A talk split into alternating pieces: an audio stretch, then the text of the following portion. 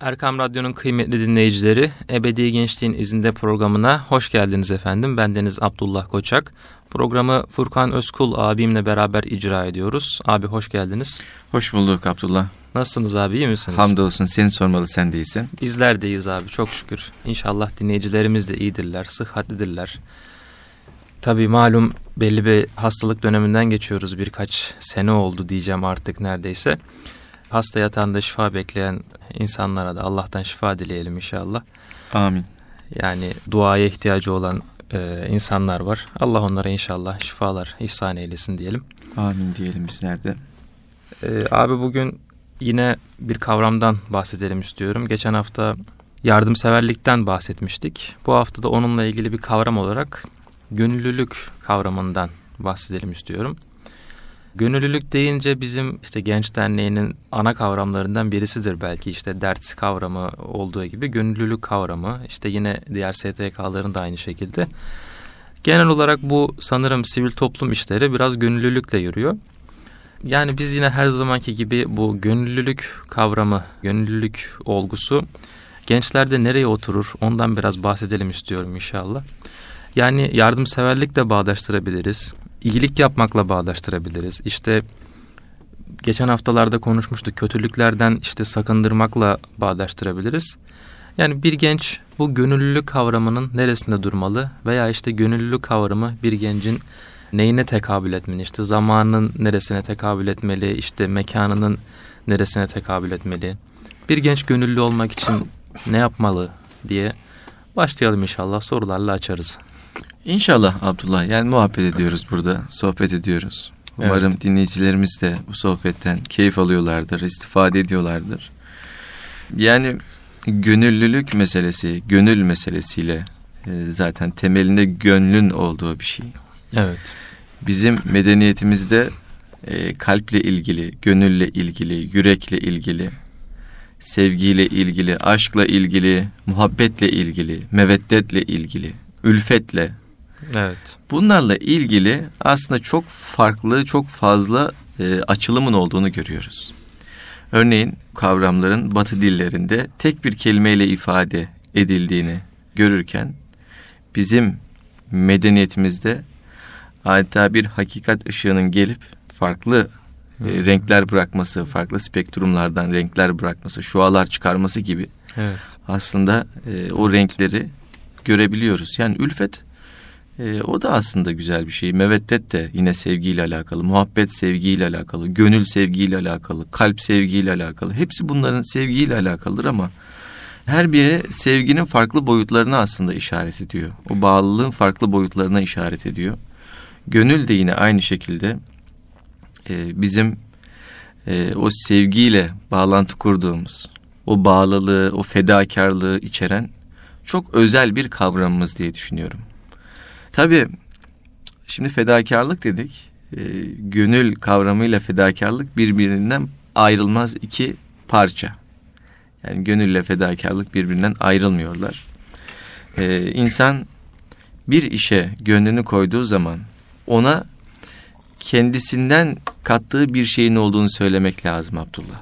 Yani bir iş yapıyor, bir faaliyet yapıyor. Artık ne yapıyorsa, gönülden yapıyorsa ona kimsenin göremediği, göremeyeceği ama işin e, hasılında, neticesinde ya çok harika bir şey olmuş diyebileceği bir şey katıyor. Bu gözle görülebilen bir şey olmayabiliyor ama insanların her birinin sonraki bir süreçte müşahede edebileceği manevi bir dokunuşa dönüşüyor. Düşünün bir iş yapılıyor, bardak taşınıyor diyelim. Örnek veriyorum. Yani herkesin yaptığı iş bellidir aslında öyle değil mi? Bardak taşıma işidir. Dışarıdan baktığında bu insanlar ne yapıyor diye sorduğunuzda e, hiç bilmeyen birine sorsanız örnek veriyorum. Ya basit bir şey bardak taşıyor der. Ama gönlünden taşıyan, yüreğinden bir şey koyan bir insanın taşıyışı diğerlerinden muhakkak surette farklı bir netice verecektir Abdullah. Evet. Bunun için bu da dedik ya o manevi dokunuş. O manevi dokunuş aslında o bereketin kapısını açıyor. O güzelliklerin kapısını açıyor. Hayrın kapısını açıyor. Ve netice itibariyle iyiliğin kapısını açıyor. Evet. Dolayısıyla biz yaptığımız her işte maddi boyut muhakkak var ki olacak zaten. Olmalı da çünkü maddi bir hayat içerisinde yaşıyoruz. Ama bu işin bir de manevi boyutu var. Yani gözle göremediğimiz ama kendisini bize çok yakından hissettiren manevi bir boyutu da var. İşte bu gönül boyutuyla bağlantılı bir şey. Bizim geleneğimizde e, Abdullah gönül dediğimizde, fedakarlık dediğimizde e, en temel alacağımız referanslar Peygamber Efendimizin aleyhissalatü vesselam hayatıdır. Onun etrafında şekillenen ashabın hayatıdır. Yine diğer peygamber efendilerimizin hayatlarıdır. Ta Hazreti Adem aleyhisselamdan bizim peygamberimiz Hazreti Muhammed'e kadar gelen bütün peygamberlerde biz en temelde o gönlü görüyoruz. O gönlün güzelliğini, açıklığını, Allah'a olan bağlılığını, o fedakarlığı görüyoruz. Dolayısıyla onların gölgesinden geçmek dahi insanın üzerinde çok güzel bir hal bırakıyor. Mesela bir kitap okuduğumuzda onların hayatını anlatan, evet. onların gönül dünyalarından bize bir şeyler haber veren bir şey okuduğumuzda iç alemimiz, dış alemimiz bir huzura kavuşuyor. Evet. Yani Abdullah şunu sormak istiyorum. 1500 sene önce yaşanmış olaylar evet. diye düşünelim. Maddi, maddi anlamda düşünelim. 1500 yıl önce yaşanmış olaylar. Diğer peygamber efendilerimizi de düşündüğümüzde 2000-2500 yıl önce yaşanmış hadiseler. Bugün okuduğumuzda sanki şahit oluyormuşçasına bizi etkilemesinin arkasında ne yatıyor olabilir? Bunu da ben sana sorayım hadi. Evet yani aklıma tabii burada 1500 yıl önce deyince e, bizim için daha müşahhas bir örnek olarak sahabeler e, geliyor. Yani peygamberlerin hayatı da Kur'an-ı Kerim'de çokça zikrediliyor. Belki işte Hazreti Musa gibi, Hazreti İbrahim gibi ayrıntılı olarak da anlatılıyor. Ama daha müşahhas bir örnek olarak işte sahabe hayatı çok daha bize ayrıntılı olarak gelmiş. Yani yakın bir tarihte olması hasebiyle işte bizim peygamberimizin ümmeti olması dolayısıyla yani onlarda bu dediğimiz gönüllülük kavramı hakikaten e, içlerine işlemiş. Yani bir iş yapacakları zaman işte gönüllü bir şekilde yapmışlar. İşte aklıma yine Bedir Harbi geliyor. İşte orada işte belki 313 kişi, 313 sahabe efendimiz gönüllü oluyor ama onlar da tam bir teslimiyetle gönüllü oluyorlar. Karşılığını sadece Allah'tan umarak gönüllü oluyorlar. Yani hakikaten içine işleyen bir gönüllülük oluyor. Ve biz de bunu okuyunca görüyoruz. İşte dediğin gibi hissediyoruz. Ee, işte anlıyoruz hatta yani anlamaya çalışıyoruz ve anlıyoruz. Yani böyle bir gönüllülük e, öyle bir gönüllülük var ki onlarda diyoruz. Yani biz acaba ulaşabilir miyiz diyoruz işte. içimizde sorular oluyor. Belki fırtınalar kopuyor kimisinin. Yani hakikaten gönlüne dokunan bir gönüllülükleri varmış onların. Yani şöyle söyleyeyim Abdullah belki edebiyat diyenler çıkacaktır ama gönüllülük ve gönül kavramları aslında kendilerinin ne olduğunu o efendilerimizden öğrenmişler. En başta Peygamber Efendimiz olmak üzere diye düşünüyorum. Evet, evet. Yani bir gönlün, bir gönüllülüğün tarifini yapmak istesek, bu en mükemmel şekliyle nasıl olmuş olabilir diye düşünsek, yani Peygamber Efendimizin ortaya koymuş olduğu örneklikten daha yüce bir örneklik ortaya koyamayız diye düşünüyorum. Ki Kur'an-ı Kerim'de de evet. e, Peygamber Efendimizin ahlakıyla alakalı olarak üsve-i hasene en güzel ahlak sahibi olması yönü bu açıdan bizim bu programımız çerçevesinde gönüllülüğün de en yüce zirvesinin, en yüce makamının Peygamber Efendimiz'de olduğunu e, ifade etmesi açısından önemli. Yani en temelde eğer gönüllülüğü araştırıyorsak, inceliyorsak, yani nedir bu gönül, gönüllülük diyorsak, yine en temel başvuru kaynağımız Peygamber Efendimiz evet. olacaktır. Evet. Onun hayatı baştan sona aslında bir gönül hayatı. Bir gönüllülük hayatı, bir adanmışlık hayatı. Evet. Yani Allahu Teala'nın bildirmiş olduğu hakikatleri vahye tamamıyla e, kendisini adadığını görüyoruz. Yani bir 24 saat var. Bu 24 saatin 23 saat 59 dakikası buna bir dakikası şöyle kendime değil yani. Evet. Bu 24 saatin tamamı dolu dolu. Hatta uykusunda bile yani o gönül aleminin o fedakarlık ne derler ona aleminin içerisinde bir yere düşüyor Abdullah. Evet. Ne yapıyorsa o gönüllülük işi için yapıyor yani diyebiliriz. Bir gün e, buradan genç kardeşlerimiz için de güzel bir örnek olması açısından anlatmak istiyorum. Hazreti Ömer Efendimiz Peygamber Efendimizin bulunduğu yere giriyor. Peygamber Efendimiz uzanmış ve uzanmış olduğu hasıra da hasrın izi çıkmış yani mübarek ciltlerinde hasrın izi çıkmış. Yüzüne. Evet. evet. Tabi Hazreti Ömer Efendimiz o hali görünce ağlamaya başlıyor. Peygamber Efendimiz Hazreti Ömer Efendimizin e, ağlaması neticesinde uyanıyor. Ey Ömer niçin ağlıyorsun diye buyuruyor. Hazreti Ömer Efendimiz'e ey Allah'ın Resulü işte Bizans İmparatoru yani en güzel yataklarda yatıyor. İran Kisrası en rahat yerlerde. Sen alemlerin sultanısın. Yani bu halinizi görünce hüzünlendiğini, e, hali görünce hüzünlendiğini söylüyor Hazreti Ömer Efendimiz. Peygamber Efendimizin orada vermiş olduğu cevap hakikaten çok önemli bir şey.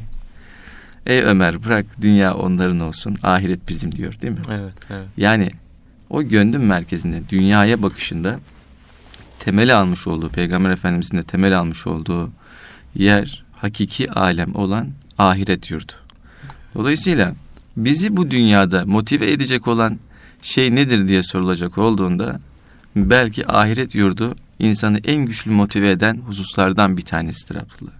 Çünkü karşılıksızdır feda yani gönüllülük dediğimiz şey, gönül dediğimiz gönülden çıkan şeylerin karşılığını bu dünyada beklemeyiz. Bu dünyada beklediğimizde zaten o gönüllülükten çıkıyor. Evet, evet. Bunun da altını özellikle çizmek istiyorum. Yani biz bu dünyada eğer karşılığını bekliyorsak, e, gönüllü yaptığımızı iddia ediyorsak bu aslında ne gönüllülük oluyor, ne gönülden çıkmış bir şey oluyor, ne de fedakarlık oluyor. Çünkü ben zaten bu dünyada bekliyorum. Aslında gönüllü değilim ama gönüllüymüş gibi yapıyorum. Evet. Şimdi bunları, bunları da birbirine karıştırmamak lazım. Gönülden olan şey, gönüllülük dediğimiz şey aslında kişinin kendisinden, Allah'ın rızasından başka hiçbir şeyi düşünmeden, hiçbir menfaat ummadan yapmış olduğu e, faaliyetler, içinden geçirmiş olduğu düşünceler bunlar e, bizim e, temel kaynaklarımızdan diyebiliriz. Şöyle bir şey aklıma geldi abi yani gençler görüyordur elbette. Suistimal edilen faaliyetler oluyor mesela işte. Adam gönüllülük faaliyeti yaptığını e, iddia ediyor belki. Biraz somutlaştıralım istersen. Hı hı. Yani ama sonunda böyle maddi bir kazanç elde ediyor. Veya işte e, bir mevkiye, rütbeye geliyor o gönüllülük faaliyetinin içinde bulunarak. Yani bizim maksadımız bu değil veya bu olmamalı. Yani peygamberimizin ve onun yetiştirdiği sahabe neslinin maksadı bu değildi. İşte az önce bahsettiğimiz üzere e, bir ahiret yurduna göçeceğiz. Yani bizim maksadımız oraya sağlam bir şekilde işte inşallah cennete kavuşarak göçmek olmalı. Evet. Yani gençlerin bunu biraz e, kavraması lazım. Yani kötü örnekler elbette var. Fakat e, bizim örneğimiz işte dediğiniz gibi işte Peygamber Efendimiz ve onun yetiştirdiği sahabe nesli olmalı. Peki biz burada o zaman Peygamber Efendimizin ve ashabının o 1400-1500 yıl öncesindeki örnekler üzerinden gidelim Abdullah. Yani gönüllülüğü ifade ederken, somutlaştıralım derken Hı hı. o tarafa dönelim. O dönemde Peygamber Efendimizin etrafında ekseriyetle hep gençler vardı. Evet. Buradan genç kardeşlerimizin ne kadar kıymetli olduğunu da görmek lazım. E, çünkü Peygamber Efendimiz her insana çok kıymet verirdi. Ama gençlere çok daha farklı kıymet verirdi. Niçin? Çünkü onlar o en nasıl söyleyelim işte o delikanlılık çağlarında İslam'ı seçmişler. Evet. Dünyanın türlü güzelliklerini reddetmişler bir bakıma. Evet. Ve hakikatin peşinden gidiyorlar. Peygamber Efendimizin yanında saf tutuyorlar. Dolayısıyla Peygamber Efendimizin onlara nazarı, bakışı her zaman çok güven dolu olmuştu. Ve fedakarca gönülden olmuştu. Ve gönüllülüğü de Peygamber Efendimiz onlara öğretmişti. Hatta öyle ki anam babam feda olsun ey Allah'ın Resulü diyecek kadar. Evet. Düşünün yani ashab-ı suffa derler. Hemen Peygamber Efendimizin mescidinin yanında bir yer var. Hatta mescitte de bütünleşik bir yer diyebiliriz. Evet. Burada eğitim gören gençler. Yani buradaki gençler yiyecek yok, içecek yok, iş yok. Kendilerini çünkü ilme adamışlar. Evet. Birilerinin yetişmesi gerekiyor. Peygamber Efendimizin dizinin dibinde yetişmesi gerekiyor ki o ilim yayılsın. Devamlı onunla birlikteler. Ondan ayetleri öğreniyorlar. E, yanında bulunup hadisi öğreniyorlar. Yani aslında orada 7-24 bir ilim faaliyeti var. Evet. Dolayısıyla burada bakıyoruz. O ashab-ı suffa ile alakalı anlatılır. Çoğu zaman aç geçirirlermiş Abdullah. Çoğu zaman e, böyle rahatın en düşük yani konforun hiç olmadığı şekilde geçirirlermiş. Ama nasıl bir iman varsa, nasıl bir şuur, bilinç varsa oradaki zatlar e, Peygamber Efendimizin dizinin dibinden hiç ayrılmamışlar. İşte gönüllerini koyma meselesi var ya, Evet, ilme evet. gönüllerini koymuşlar. Yani bizim için müşahhas bir örnek. Müşahhas bir örnektir. Gönülden, gönülden o faaliyetin içerisine girmişler ve sonraki nesillere ilmin aktarılmasında en büyük pay sahibi olan kimselerdendir. O ashab-ı sufe dediğimiz e, zatlar. Dolayısıyla e, sonraki dönemlerde de yine görüyoruz bunu. Yani bir sefere çıkılacağı zaman Allah Resulü bir görev verdiğinde anam babam feda olsun az önce de dedi ki Evet. ey Allah'ın Resulü ne emredersen yaparız. Şunu kim yapacak dediği zaman hemen e, sahabilerin atladığını görüyoruz. Hemen Evet. ey Allah'ın Resulü ben yaparım. Evet. Yani burada bir gönül görüyoruz, bir gönüllülük görüyoruz. Hatta yüce bir gönül görüyoruz Abdullah. O kadar büyümüş ki gönülleri. Evet. Korkuya yer kalmamış. O kadar büyümüş ki gönülleri dünyaya dair aslında bir şey de kalmamış. Evet. Hayatları aslında o kadar renklenmiş, o kadar güzelleşmiş ki dünyanın basit zevkleri o güzelliklerin yanında bir hiç mesabesine kadar düşmüş. Dolayısıyla e, hani şimdinin mottosu ya işte hayattan zevk al, işte daha çok keyif al, eğlen, hayatın dertlerini, hüzünlerini çok e, aklına getirme. Hani hayat bunun üzerine kurulmaya başladı ya özellikle şu son çağımızda e, sosyal medyanın işte dijitalleşmenin zirveye çıktığı şu zamanlarda Abdullah. Evet. E, dolayısıyla hakiki keyfin, hakiki lezzetin, hakiki zevkin aslında bu gönül dünyasıyla bağlantılı olduğunu söylemek gerekiyor. Çünkü şu an sanal dünyanın insanlara sunmuş olduğu keyiflerin birçoğu yıkıcı. Birçoğu aslında ilizyondan ibaret. Hakikati Evet. yok.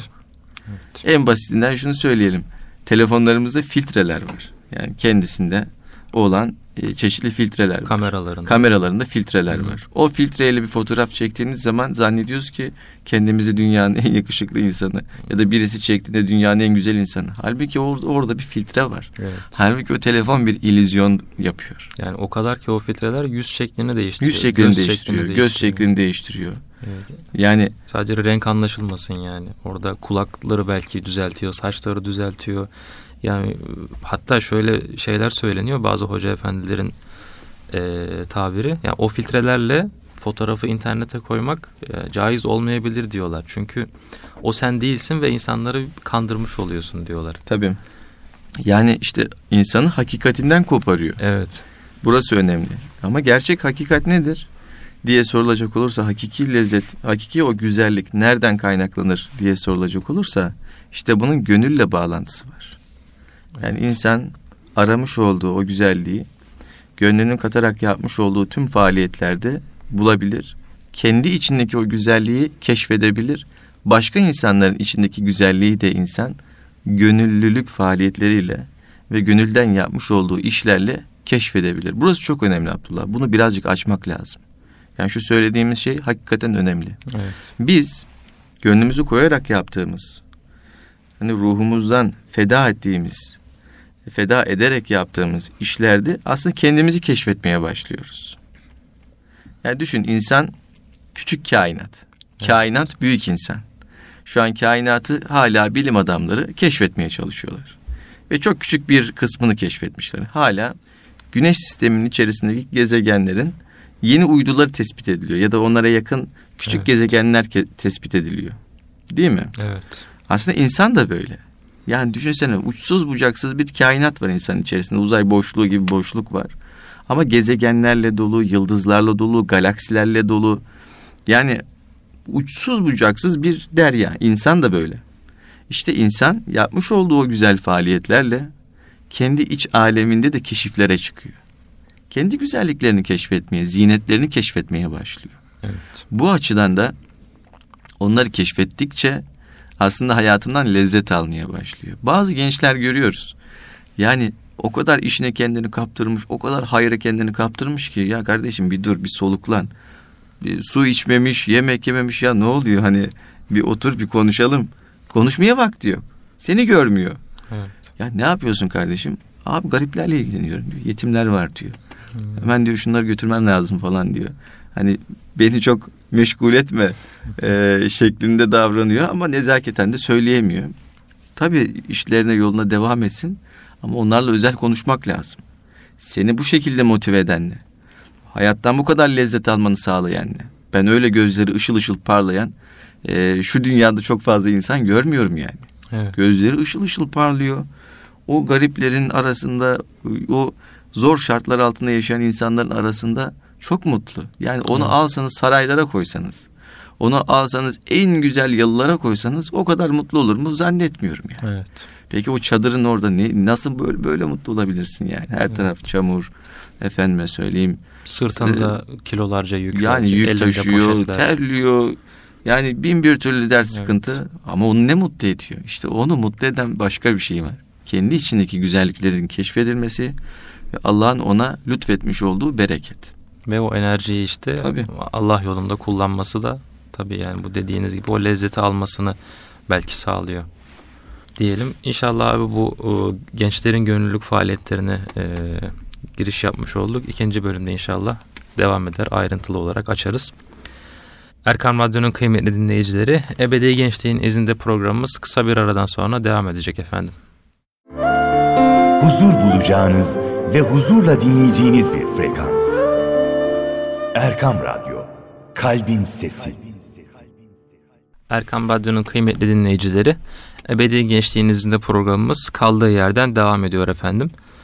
Ee, gönüllülükten bahsediyoruz, gönül kavramından bahsediyoruz ve gençlere yansıyan işte gençlerdeki yerinden bahsetmeye çalışıyoruz. İlk, bölümümüzde sahabelerden bahsettik. Ee, sahabelerin bu gönül kavramını hayatlarında nereye yerleştirdiğinden e, bahsetmeye çalıştık. Şimdi bu ikinci bölümümüzde e, Furkan abi inşallah bu gönül kavramı günümüz gençlerinde nereye e, oturur? Biraz ondan bahsedelim istiyorum. İlk bölümün sonunda da biraz değinmiş olduk işte gönüllülük faaliyeti yapan gençlerin gözlerinin parladığından bahsettiniz. İlk bölüme başlarken sormuştum. Yani bu gençler bu gönüllülük faaliyetlerine nereden başlayabilir? Yani bir STK'nın kap- kapısını mı çalmalıdır? Veya işte gönüllülük deyince sadece STK faaliyeti mi anlaşılmalıdır? Biraz bunlardan bahsedelim inşallah. Yani şöyle bir genç olarak ben düşünüyordum mesela işte bir gönüllülük faaliyeti ne olabilir? İşte fakirlere yardım etmek direkt akla canlanan şey bu oluyor. Ama sadece bu değil işte siz e, bahsettik işte ashab-ı suffe ehlinden bahsettik. E, suffe ashabından. Yani onlar mesela gönüllerini ilme adamışlar. Yani bir ilim ihtiyacı varmış ve kendilerini kendi gönüllerini buna adamışlar. Kendilerini buna adamışlar. Ve bu şekilde bir gönüllülük faaliyeti yapıyorlarmış. Yani farklı şekillerde de bir gönüllülük faaliyeti olabiliyor diye anlıyoruz buradan. Yani bir genç ne yapabilir? Ne e, nasıl bir yol haritası çizilebilir? Tabii yani gönüllülük dediğimizde genelde STK'larımız bunu kullandığı için bu kavramı oraya hemen aklımız gidiyor ama gönüllülük hayatın bir bütününe yansıyan boyutları var. Yani yaptığımız her işe gönlümüzü katmamız gerekiyor Abdullah. Asıl gerçek gönüllülük bunu gerektiriyor. Evet. Yani en zor işlerimizden en kolay işlerimize kadar gönlümüzü katmamız lazım. Bir su içerken bile gönlümüzden içmemiz lazım. Lezzetini alabilmek için, şuurunu tadına varabilmek için o şuurda e, suyu içmek lazım. Peki yani burada gönlün zihinle de bağlantısı var. Yani zihin gönlü besleyecek. Neyle besleyecek? İlimle besleyecek. O zihinden gelen ilim, gönülle birlikte Abdullah irfana dönüşüyor. Yani ortaya bir irfan çıkıyor. Dolayısıyla yaptığımız en ufak bir iş bile, en ufak bir amel bile irfan yüklü bir amele dönüşüyor. Yani su içiyoruz. Su H2O. Basit bir şey. Evet. Her zaman yaptığımız bir şey. Çoğunlukla da her yerde bulabildiğimiz bir şey. Öyle değil mi? Evet. Yani hamdolsun şu an susuzluk diye bir şey çekmiyoruz. Ancak o suyu aldığımızda, suyun kaynağını düşündüğümüzde, üzerine birazcık tefekkür ettiğimizde, onun yaratıcısıyla bir irtibata geçtiğimizde, suyun yaratıcısıyla, Allah ile irtibata geçtiğimizde, bizim sudan geldiğimizi, yani küçük bir su parçası olduğumuzu bir zamanlar düşündüğümüzde, aslında Abdullah ortaya bir tefekkür deryası çıkıyor. Evet. Çok basit bir örnek veriyorum burada. Mesele sadece su meselesi değil ama en basitinden. Şu an elimizin altında olan hiç üzerine bile düşünmediğimiz bir şeydir. Halbuki yokluğunda hayatı bitirecek bir şey öyle değil mi? Evet. Hava ve su bizim en az düşündüğümüz şeylerdir. Ama yokluklarında e, bir insan havasız kaldığında en fazla beş dakika zannediyorum yaşayabiliyor. Susuz kaldığında da bir, bir buçuk gün yaşayabiliyor. Ve sonrası olmuyor. Evet. E, ama o kadar çok hayatımızda varlar ki biz yokluğunu düşünemez haldeyiz. Peki düşünelim, üzerine birazcık tefekkür edelim. E, en basitinden bir suyu içerken bile gönlümüzü kattığımızda, bir gönüllü şuuruyla yani gönlümüzü kattığımızda işte onun renklendiğini, tatlandığını, farklı bir bizi farklı bir aleme taşıdığını ne yapacağız? Müşahede edeceğiz. O açıdan gönüllülük hayatın her yerinde, her aşamasında var olan bir şey.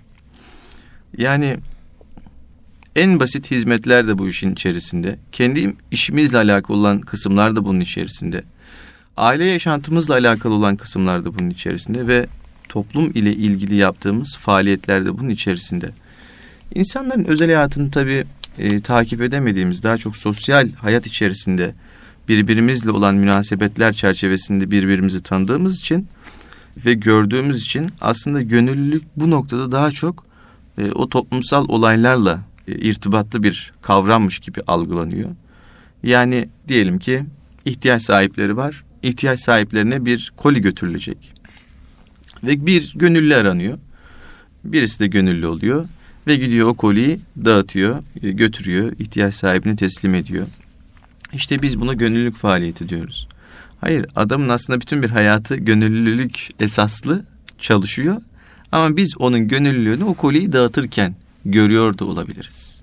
Anlatabiliyor muyum? Evet. Ya diğer taraftan alalım meseleyi. Bir adam sadece koli dağıtırken gönüllü ama geri kalan yaşamında gönüllü değilse de işte orada da küçük bir parantez açalım. Burada da bir eksik olduğunu düşünüyorum ben. Yani hayat dediğimiz şey, gönüllülük dediğimiz şey bütün bir e, bizim vaktimizi ne yapması gerekiyor? Kapsaması gerekiyor. Yani bu gençlik bağlamında e, eğer anlayacaksak bunu bu şekilde anlamamız çok daha makul ve mantıklı. Hayatımızın her alanına sirayet eden bir gönle ihtiyacımız var. Gönüllülüğe ihtiyacımız var Abdullah. Burada gönül sahiplerini de düşünmek lazım. Sadece kendimizi değil, e, gönül sahiplerini de düşünmemiz lazım. Yapılan her faaliyette, işte efendime söyleyeyim davranış biçiminde biz kendi gönlümüzdeki o zenginlikleri keşfederken başkalarının gönüllerini de ne yapmamız gerekiyor? Düşünmemiz gerekiyor. Ee, Yunus Emre'nin meşhur bir şiiri vardır. Bir kez gönül yıktın ise diye. Evet. Bilir misin Abdullah onu? Evet abi. Evet ne diyor? Ee, bir kez gönül yıktın ise kıldığın namaz değil. 72 millet dahi elin yüzün yumaz değil. Evet. Evet. Bir gönül yaptın ise er eteğin tuttun ise bir kez hayrettin ise birine bin az değil diyor. Evet. Şimdi gönül yapmak ve gönül yıkmak da var bu işin içerisinde. Evet. O açıdan yapılan her e, hareketin de muhasebesini yapmak da gerekiyor. Peki muhasebe nedir? Şimdi küçük bir işletmemiz bile olsa hemen ilk yaptığımız işlerden bir tanesi nedir Abdullah? Bir muhasebedir. Evet. E, ya biriyle anlaşırız ya kendimiz tutarız. İşte para gelir, onu kaydederiz. Para çıkar, onu kaydederiz. Faturaları vardır o işin. Evet. Devlete verilmesi gereken kısmı vardır. Kendi hesabımıza geçmesi gereken kısmı vardır derken o işletme dönecek bir şekilde değil mi? Evet. En basit mantıkla anlatıyorum. Şimdi işin bu kısmında muhasebe yok mu? Belki bu kısmında çok daha ince bir muhasebe var. Evet. Böyle kuyumcu terazisinde tartmayı gerektiren bir e, kısmı var. Evet, Evet. biz gönüllü faaliyeti yapıyoruz ama yüzümüz asıksa örnek veriyorum. Hmm. Diyelim ki Evet. yani farkında olmadan insanları kırıyorsak işte onun muhasebesini yapabilmeliyiz. Kendimizi eleştirebilmeliyiz ve bize gelen eleştirileri de dikkate alarak e, tekrardan o gönüllülüğümüzü yapılandırmalıyız. Yoksa kaş yapayım derken göz çıkartmak tabiri vardır ya. Allah bizi bundan muhafaza eylesin. O da çünkü çok sıkıntılı bir duruma yol açar. Genç kardeşlerimizin de arkadaşlarımızın da e, muzdarip olduğu hususlardan bir tanesidir bu. E, zaman zaman onlarla da oturduğumuzda abi diyor ben diyor gönlümü katıyorum diyor. Bir şeyler yapmaya gayret ediyorum diyor. Ama diyor şunlarla şunlarla şunlarla karşılaşıyorum diyor tamam mı? Yani gönlünü kırıyorlar Evet, yeri geldiğinde. evet. Bunlara da çok mahal vermemek lazım. E, gençler hakikaten azimli, heyecanlı, e, birçok işin içerisine girmek istiyorlar, yardımcı olmak istiyorlar. En basitinden diyelim ki toplumun daha çok ihtiyaca açık olan kesimleri, işte yaşlılardır, efendime söyleyeyim, yine bizim hayatımızı, hayatımız içerisinde sokaklarda yaşayan diyelim e, hayvanlardır. Bunları işte mama götürüyorlar. İşte yaşlılara diyelim yardımcı oluyorlar. İşte e, efendime söyleyeyim yine farklı kollarda bir şeyler yapmak istiyorlar. Bunlar için STK'lar aranıyor. Ben şunu da söyleyeyim. Aslında tüm meseleler STK'larda değil. Yani kişi kendisi de bireysel manada bir şeyler yapabilir. Ama STK'ların bu noktadaki avantajı ne Abdullah? Zaten hazır imkanlar sunuyor size. Evet. Tamam mı? Bir mekanın oluyor. Efendime söyleyeyim seninle birlikte senin düşüncende faaliyet yapacak insanlar oluyor. Onlarla kol kola bir dayanışma içerisinde o faaliyetleri daha bereketli hale ne yapabiliyorsun? Getirebiliyorsun. Bu açıdan yani gönüllü olmak isteyen diyelim kültür işleri yapmak isteyen gençler muhakkak vardır. Efendime söyleyeyim insani yardım yapmak isteyenler vardır. Ee, bununla birlikte kendi duygu ve düşünce dünyasına göre bir alanda yoğunlaşıp o alanda fayda üretmek isteyen gençler vardır. O gençlerin e, ilgili oldukları alanla ilgili e, alakalı bir çalışma yapıp ilgili STK'ları tespit edip oralarla çalışmasını ben büyük fayda görüyorum. Yani gençlerin böyle e, bazı durumlar var işte gönül kırmak dedik ya.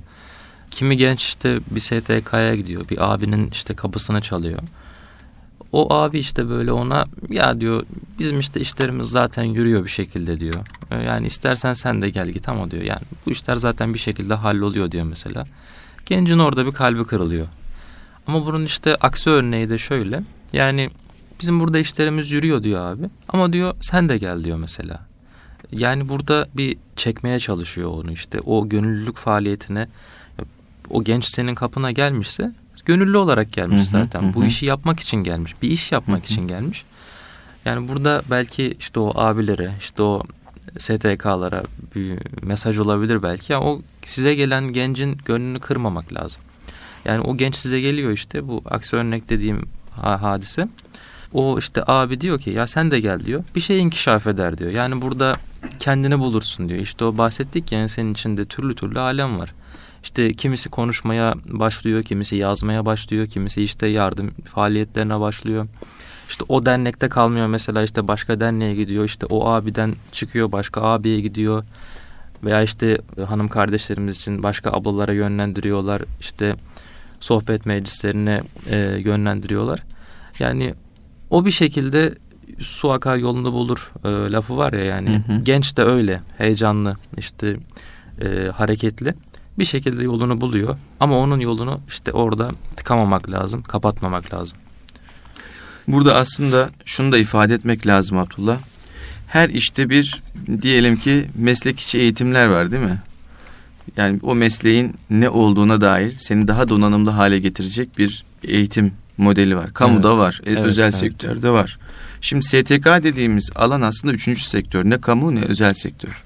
O daha farklı bir alan.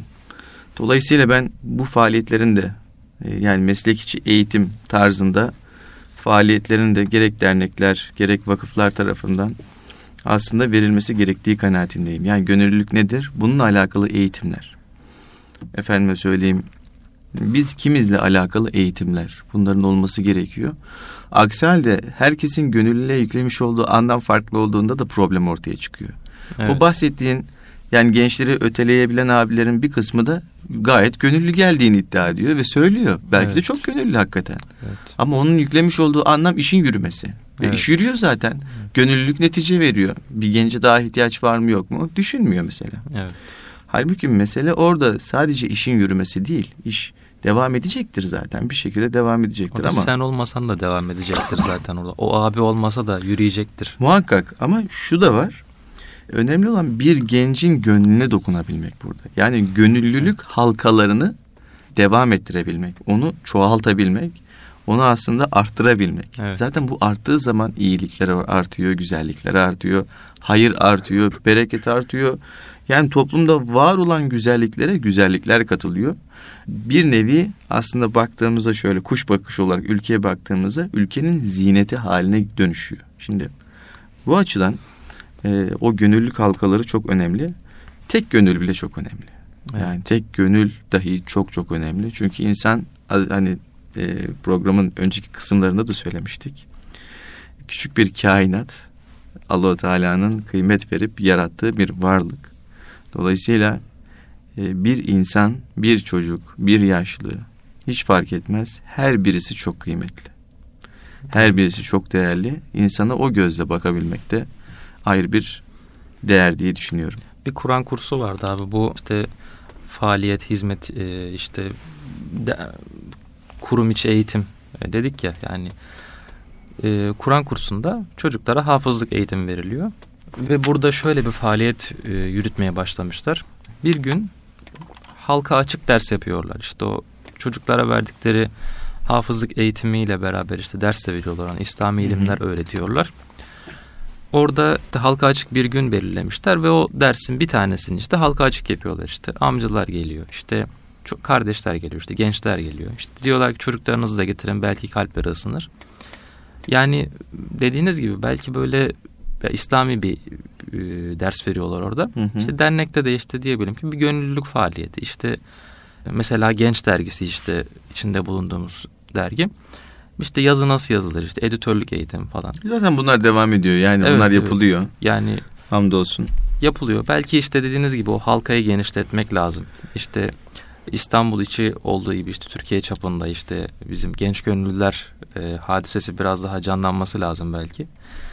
Yani bunlar hakikaten çok büyük hayırlara vesile oluyor. Yani şöyle çok diyeyim. fazla kardeşin evet. e, kalbine dokunuyoruz. Evet. Hamdolsun Abdullah. Yani İslami camianın e, içinde bulunduğumuz topluma kattığı çok güzel değerler var. STK'lar aracılığıyla. Yani insani yardım konusunda, ilmi irfan kültür çalışmaları noktasında.